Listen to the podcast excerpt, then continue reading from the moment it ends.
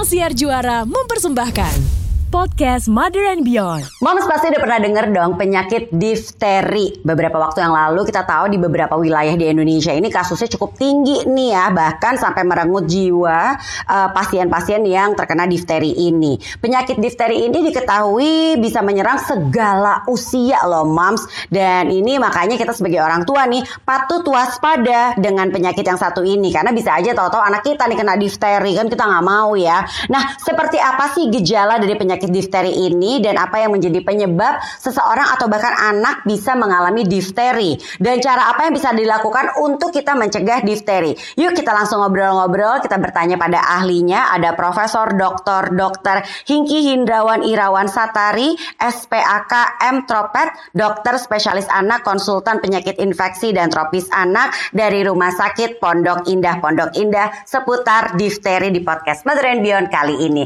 Hai Prof, apa kabar Prof? Alhamdulillah. Alhamdulillah sehat ya. Ini kalau kita ngomongin soal difteri itu sebenarnya asing nggak asing gitu ya, Prof ya. Pernah dengar kemarin sempat tinggi kasusnya, tapi mungkin kita harus kenal lagi nih penyebab uh, penyakit difteri itu sendiri tuh apa sih, Prof? Dan emang kemarin tuh Indonesia tuh sempat lumayan tinggi ya, Prof ya. Jadi uh, difteri itu memang sebetulnya penyakit yang udah lama. Iya, iya, iya. Jadi, uh, namun kalau kita lengah, uh mhm. -huh dia muncul lagi. Hmm. Dan uh, definisinya sebetulnya dia penyakit infeksi akut, mm -hmm. serius, dan disebabkan oleh kuman Corynebacterium diphtheria. Mm -hmm. Mm -hmm. Jadi uh, akut itu artinya mendadak. Mendadak. Mm. Setelah tiga hari tertular, dia langsung menunjukkan gejala mm -hmm. infeksi. Mm -hmm. Tapi infeksinya bisa serius dan uh, itu diperlihatkan mm -hmm. dengan meninggalnya tujuh anak mm -hmm. di Garut. Mm -hmm. Ya, dan itu penyakit sebetulnya udah kita uh, kendalikan mm -hmm. dari sejak uh, tahun uh, 80-an. Mm -hmm. Ya, namun kalau misalnya kita lengah, maka si bakteri tersebut bisa menyebabkan yang namanya kejadian luar biasa. Hmm. Ya, ya, ya, ya. Sehingga menimbulkan uh, kepanikan. Hmm. Jadi seperti kayak polio kita tahu sudah bisa dikendalikan, tapi waktu itu sempat ada KLB lagi. Ini betul. juga gitu ya, Prof ya. Hmm. campak. Iya, iya, iya betul. Iya kan? Uh, uh. Polio yang kita udah bebas iya. tuh tahun iya, iya, iya kita iya. udah bebas. Betul. Tapi kalau kita lengah, uh. Yang karena itu pernah dengar gitu iya, ya. Iya iya iya benar Bro. Eh, padahal penyakit itu sangat berbahaya, iya, iya, iya. sangat menular hmm. dan mematikan. Nah penyebab difteri ini sendiri apa nih Prof? Dan hmm. anak tuh katanya lagi emang bisa dibilang rentan terhadap difteri hmm. ini sendiri ya Prof? Hmm. Jadi si penyebabnya ini bakteri, hmm. ya bakterinya namanya Corynebacterium diphtheria. Hmm dia karena namanya penyakit infeksi setelah tiga hari tertular hmm, dari yang hmm, lain hmm maka dia menunjukkan gejalanya demam. Itu yang pertama tuh ya. Terus batuk, terus pilek. Nah si kuman itu ada racun di dalamnya. Hmm. Dia mengandung racun. Nah kalau si kuman terhirup oleh eh, penularan dari saluran pernapasan, hmm. jadi ini airborne, sama lah kayak kalau COVID hmm, dilakukan tindakan juga menghasilkan eh, kuman yang bisa ditularkan lewat udara, terhirup, si toksin itu bisa mampir di mana-mana aja, tapi yang e, menyebabkan kematian di antaranya yang nempel pada saluran napas. Hmm. Saluran napas kan mulainya di hidung, terus ke tenggorokan, terus ke hmm. paru-paru. Nah, si kuman itu melepaskan racun yang nempel di saluran nafas atas, hmm. terus dia merusak, mematikan jaringan sekitarnya, sehingga menyumbat. Hmm. Kalau menyumbat, bayangin anak kecil yang biasanya napas lega tiba-tiba ada iya, sumbatan yeah, yeah, yeah, yeah, pasti dia menderita hmm. dia sesek kemudian saking uh, sempitnya udara napas sampai dia megap-megap hmm. dan terpaksa harus dibolongin ah, si tenggorokannya itu okay, biasanya okay. oleh si difteri ini nih. Iya, karena difteri hmm. itu ya kemudian diberikan anti toksin, anti hmm, racun hmm. sama dikasih antibiotik. Selain itu, si racun itu bisa juga me, apa menyebabkan peradangan otot jantung. Oh. Dia ngerusak Oke. juga otot jantung Hmm. sehingga irama jantungnya terganggu. Jadi kan jantung tuh ada syaraf-syarafnya di dalam otot-otot jantungnya yang me, apa me- apa me- mentransfer impuls ya. Hmm, Itu eh, biar jantung ber apa kontraksi memompa jantung, ngasih oksigen, ngasih eh, makanan dengan teratur. Nah, si hantarannya itu dirusak oleh si racun Hmm, difterinya difteri. jadi jantungnya eh, nggak beraturan Hmm. akhirnya berhenti Hmm. tentu anak itu meninggal Iya, iya. biasanya itulah penyebab kematian iya. pada jantung selain itu dia menyerang syaraf Mhm. ya menyerang ginjal jadi penyakit ini serius Iya, iya. penyakit infeksi serius padahal bisa dicegah dengan imunisasi yang udah kita lakukan berpuluh tahun ini Iya, iya, iya, tapi iya, kalau betul, kita lengah Iya, iya. terpengaruh, menolak, ya menunda. Nah, bakteri ini nggak bisa Hmm. nunda. Ya, Iya. kalau ada siap menyerang. Dan buat para orang tua juga jadinya eh, lengah karena gejala awalnya seperti tadi Prof sampaikan Iya. demam, batuk, pilek yang memang sering banget kan Prof Iya, ya anak-anak iya. tuh kena demam, batuk, pilek. Jadi jadi lengah nggak dit- ditangani dengan eh, serius ya Prof ya. Ya, jadi kan sekarang kalau sekarang demam batuk pilek takut covid. Iya sih betul Prof ya benar ya.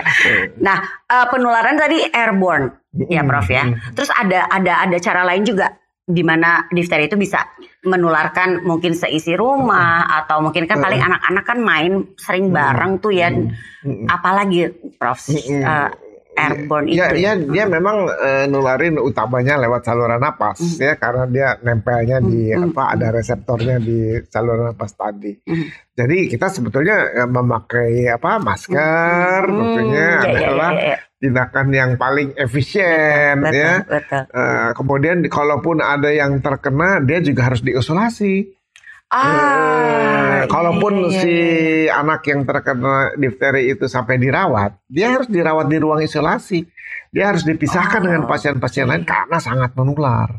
Kemudian si petugas yang merawat, dokter atau perawat juga harus memakai APD Hmm. supaya mereka juga tidak tertular Iya, iya, dan iya. juga tidak menularkan ke pasien lain atau ke keluarganya. Iya, betul, Sama betul, kayak, betul. Kayak COVID. Yang nunggu pun demikian, dia harus eh, apa memakai APD sehingga yang nunggu Ah. juga tidak tertular dan Oke oke oke. eh, itu eh, yang biasanya orang nggak sadar, nggak paham, jadi penyakit itu eh, cepat menularnya Hmm. dan kalau nggak diobatin satu di antara dua anak yang terkena difteri eh, tewas. Ah, itu dia. Jadi memang harus kita tangani dengan serius dan memang salah satunya tadi dengan vaksinasi ya, eh, Ya, imunisasi yang harus ya, dilakukan. ya, ya. Mungkin nggak sih dok, apakah benar katanya difteri bisa timbul, bisa terjadi tanpa gejala? Oh iya mungkin. Ah, Eh, oke. Sebetulnya bukan difteri aja ya, semua penyakit infeksi. Iya sih, iya sih, ada yang tanpa secara gejala juga ya, Prof, ya. Iya, kan- iya, kan iya. Untuk sampai terjadinya penyakit itu harus adanya harus adanya gangguan keseimbangan antara host, Hmm. agent, environment. Harus ada gangguan keseimbangan dari daya tahan tubuh seseorang ke ke ke ke, ke apa keganasan si makhluk eh, virus atau bakteri sama lingkungan. Hmm. Ya, jadi tentu saja ada suatu keadaan yang kalau di COVID kita bilang OTG Iya, iya, orang, tanpa gejala, ya. Iya, iya, ya iya, kan? iya. Jadi dia nggak kelihatan Mhm. ke mana-mana bawa virus Bahaya untuk itu berarti COVID kan. atau ke mana-mana bawa bakteri untuk difteri. Jadi bisa tanpa menunjukkan gejala, bisa juga gejala yang ringan. Kalau kalau misalnya ya daya tahan tubuh bagus, eh, bakterinya nggak begitu banyak, ya tata sirkulasi darah baik atau ada riwayat imunisasi. Hmm. Kalau riwayat imunisasi, kalaupun terkena, jadi nggak sampai dibolongin, Hmm, nggak sampai kena otot jantung, nggak sampai ke ginjal, jadi mungkin nggak sampai meninggal. Hmm, ya, iya, jadi iya. itu itu memang eh, secara umum penyakit Hmm. infeksi di antaranya difteri ya tanpa gejala, gejala ringan, gejala berat, Iya. kematian. Nah, Prof, kalau kita tahu dengan gejala, kalau tadi pada umumnya demam, batuk, pilek, Hmm. mungkin kalau moms mendengarkan ini langsung, oh ya udah, ini anak aku sebaiknya dicek. Nah, yang tanpa gejala itu dok, Hmm, jadi yang tanpa gejala memang itu sangat berbahaya. Hmm. Iya, ya, iya, iya. Sangat berbahaya dan tentunya kalau kita harapkan eh, cakupan imunisasi tinggi, orang-orang dengan tanpa gejala itu akan sangat sedikit. Hmm, hmm. Ya artinya eh, di lain pihak orang-orang yang sudah diimunisasi pun kalau terpapar dengan orang yang tanpa gejala juga terlindungi. Hmm. Jadi sebenarnya ya mm, cakupan imunisasi yang tinggi itu yang menjaga agar yang tanpa gejala pun tidak menularkan. Hmm, baik. Yang terpapar terlindung. Hmm. Jadi memang eh, sulit kita untuk melihat orang kita lihat tenggorokannya juga nggak kelihatan. Kalau Iya. kita apa swab ya. Baru. Nah, Ah. itu pun di kumannya dibiak dulu eh, setelah Oh. seminggu baru bisa kita kelihatan. Kadang-kadang kesediaan langsung pada lab-lab tertentu ya, ya itu bisa juga dilihat secara langsung. Tapi eh, PCR secara komersil nggak tersedia, iya, iya, iya. antigen juga secara komersil nggak kayak sekarang si COVID bisa antigen yang Hmm, langsung. Ini beda bisa- soalnya ya. Iya, ini bakteri, Iya, ini iya, iya. lain lagi. Jadi memang nggak mudah. Iya, iya. Jadi ya imunisasi. Imunisasi sudah harus Nggak- dilakukan. Betul.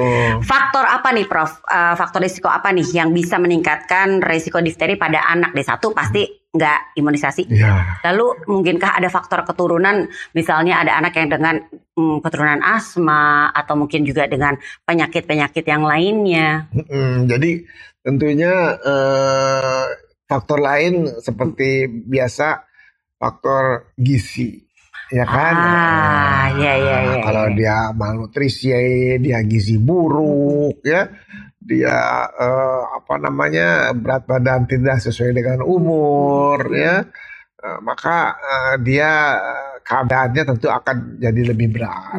Kemudian juga lingkungan, ya lingkungan yang kumuh, tata sirkulasi udara yang baik. Kan kita Ya, ya, lesson ya, ya. learn dari COVID itu kan Betul, tata betul. sirkulasi udara, Betul, betul. ya kan eh, kepadatan virus, kepadatan Hmm. bakteri itu lebih tinggi pada ruangan-ruangan yang tata sirkulasinya buruk. Hmm. Jadi kan kita d- dulu beranggapan, aduh ruangan yang tertutup, AC dingin, Oh, enak seger, gitu. oh, enak. Oh, adem gitu ya. Itu bisa menjadi bencana. betul, Jadi betul. sebetulnya tata sirkulasi udara yang baik, udara mengalir, sinar matahari masuk, satu ruangan jangan apa berkerumun atau melebihi Hmm. kapasitas, ya. Jadi itu juga me- apa me- membantu mengurangi risiko transmisi penularan. Hmm. Jadi apa perilaku bersih, Hmm. hidup sehat itu semua menentukan eh, tingginya risiko untuk terkena penyakit. Jadi selain nutrisi ya perilaku bersih, hidup sehat dan sehat. tentunya imunisasi. Betul. Ya. Pada dasarnya dengan eh, kita hidup selama 2 tahun di masa pandemi COVID ini ya Prof kita juga jadi sebenarnya lebih udah bisa menjaga kayak tadi untuk pola hidup sehat tuh sudah mulai terbiasa sama kita kan ya Prof ya kayak tadi membiasakan untuk banyak kena udara, cuci tangan ya kan. Jadi sebenarnya boleh kita terusin nih kebiasaannya ya Prof ya. Sebenarnya kan itu signal dari yang maha kuasa. Sebenarnya benar Prof. Tanda Iya, dari iya, yang maha iya, iya, iya. kuasa bahwa kalau kita lengah, kita lalai, kita tidak aware, Hmm. Itu sesuatu yang dahsyat bisa terjadi. Yes, betul. Dan setelah diberi peringatan itu harus ada lesson. Betul, jangan lengah habis itu udah gitu ya Prof ya. Kan eh, ini pandemi sudah mereda, Heeh. tapi kan kewaspadaan nggak boleh mereda. Betul, betul.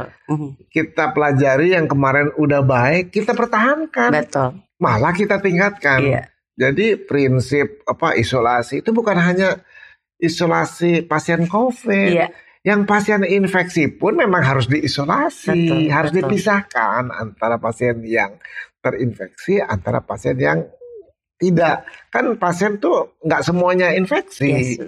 Yang sakit jantung bawaan, Hmm. yang diabetes, yang sakit ginjal, itu kan semua non infeksi. Jadi Betul. memang harus terpisah dengan yang infeksi. Bukan hanya soal COVID, Iya, difteri, ya kan pneumonia, campak, Iya, iya. rubella, pertusis, itu sebetulnya eh, lesson learn atau Iya, petanda dari betul. yang maha kuasa. Ini dia kasih COVID, dia kasih ilustrasi yang dahsyat ya. Padahal kan udah sebelum sebelumnya udah udah harusnya kita seperti ini Iya, hidupnya ya. kita udah Prof, pernah ya. kita udah pernah SARS-CoV-2, Iya, iya, udah iya, pernah MERS, udah pernah avian flu, udah pernah macam-macam. Jadi Iya, harusnya kita sekarang ada Marburg ya. betul, Jadi betul. eh, yang Kuasa selalu memberikan peringatan, peringatan mudah-mudahan masyarakat tuh membaca. Betul. Dan jangan lengah, jangan ya udah lah ya santai sekarang ya. Eh, Ya, eh, jangan. sekarang kan Eh, nggak eh. bisa.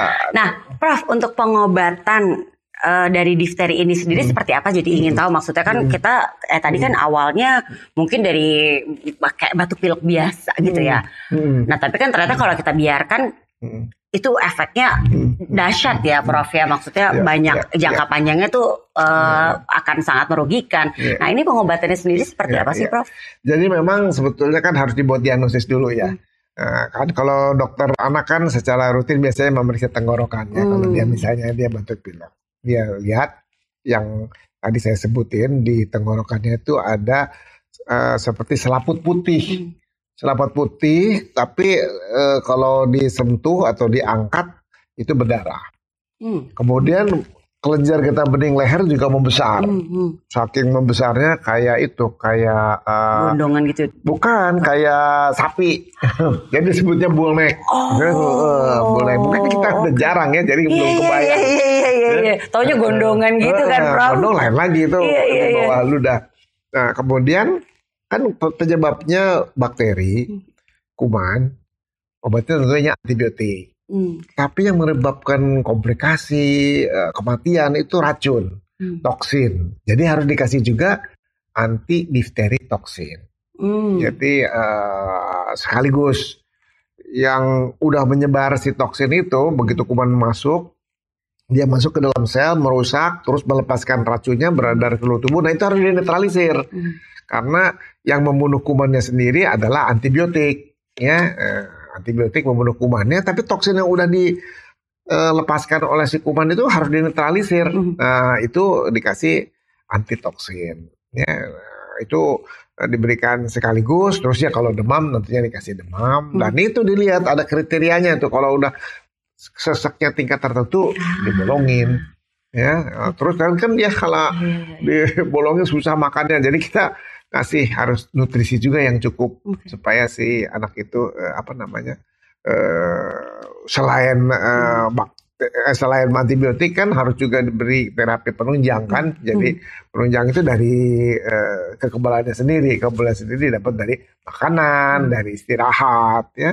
Eh, kemudian oksigen tentunya Hmm. selama dia menggap-menggap Ya, ya, itu Iya. karena kekurangan oksigen sendiri bisa bikin kejang ya bikin bisa penderitaan ya sampai eh, bisa menyebabkan kematian Sebagai penutup Prof, apa yang harus selalu diingat nih sama moms yang harus jadi catatan khusus buat para moms nih supaya bisa menghindarkan Hmm. anak-anaknya dari difteri ini? Mm-mm, jadi itu kan sebetulnya penyakit yang dapat dicegah dengan imunisasi.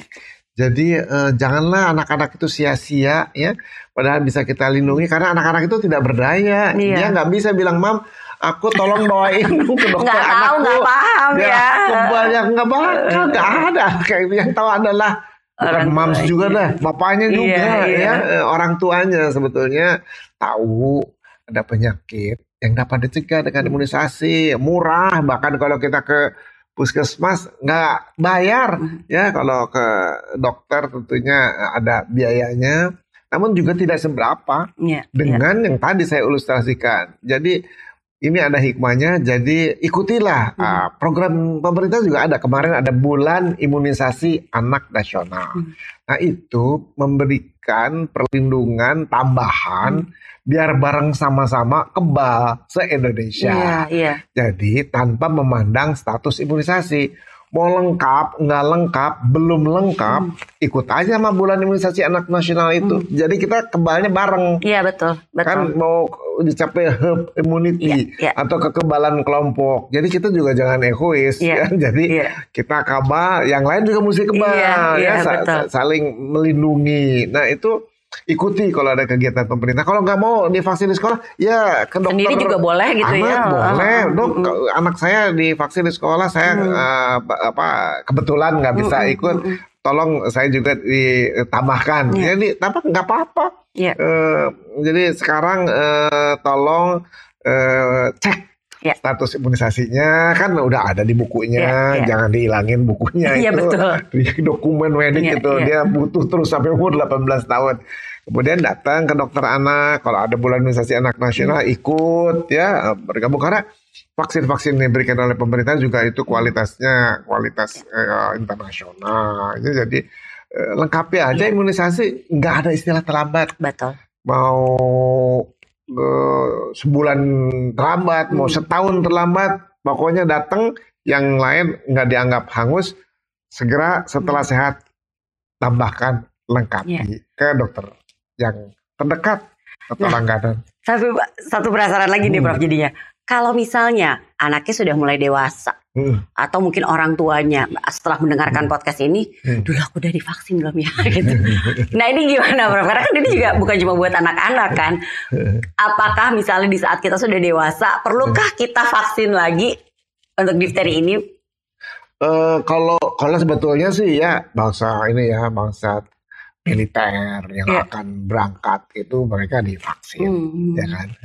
Kalau kita tentu saja tergantung umurnya deh ya. Iya iya iya iya iya. iya, iya.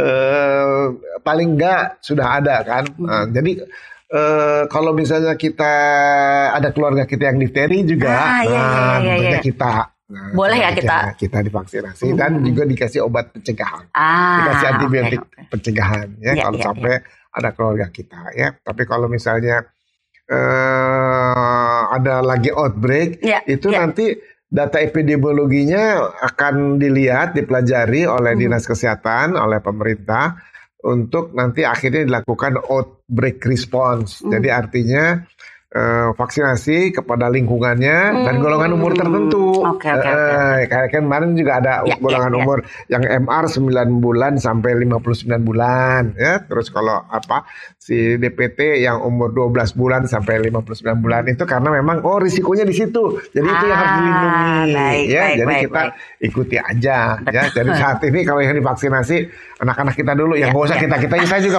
Iya, iya, iya, iya, iya, eh, tidak tidak tidak perlu Iya. berkelebihan, tidak perlu cemas tapi tanya kepada yang punya kompetensi. Iya, iya, iya. Jangan cuma lihat di WhatsApp group doang. Betul, betul.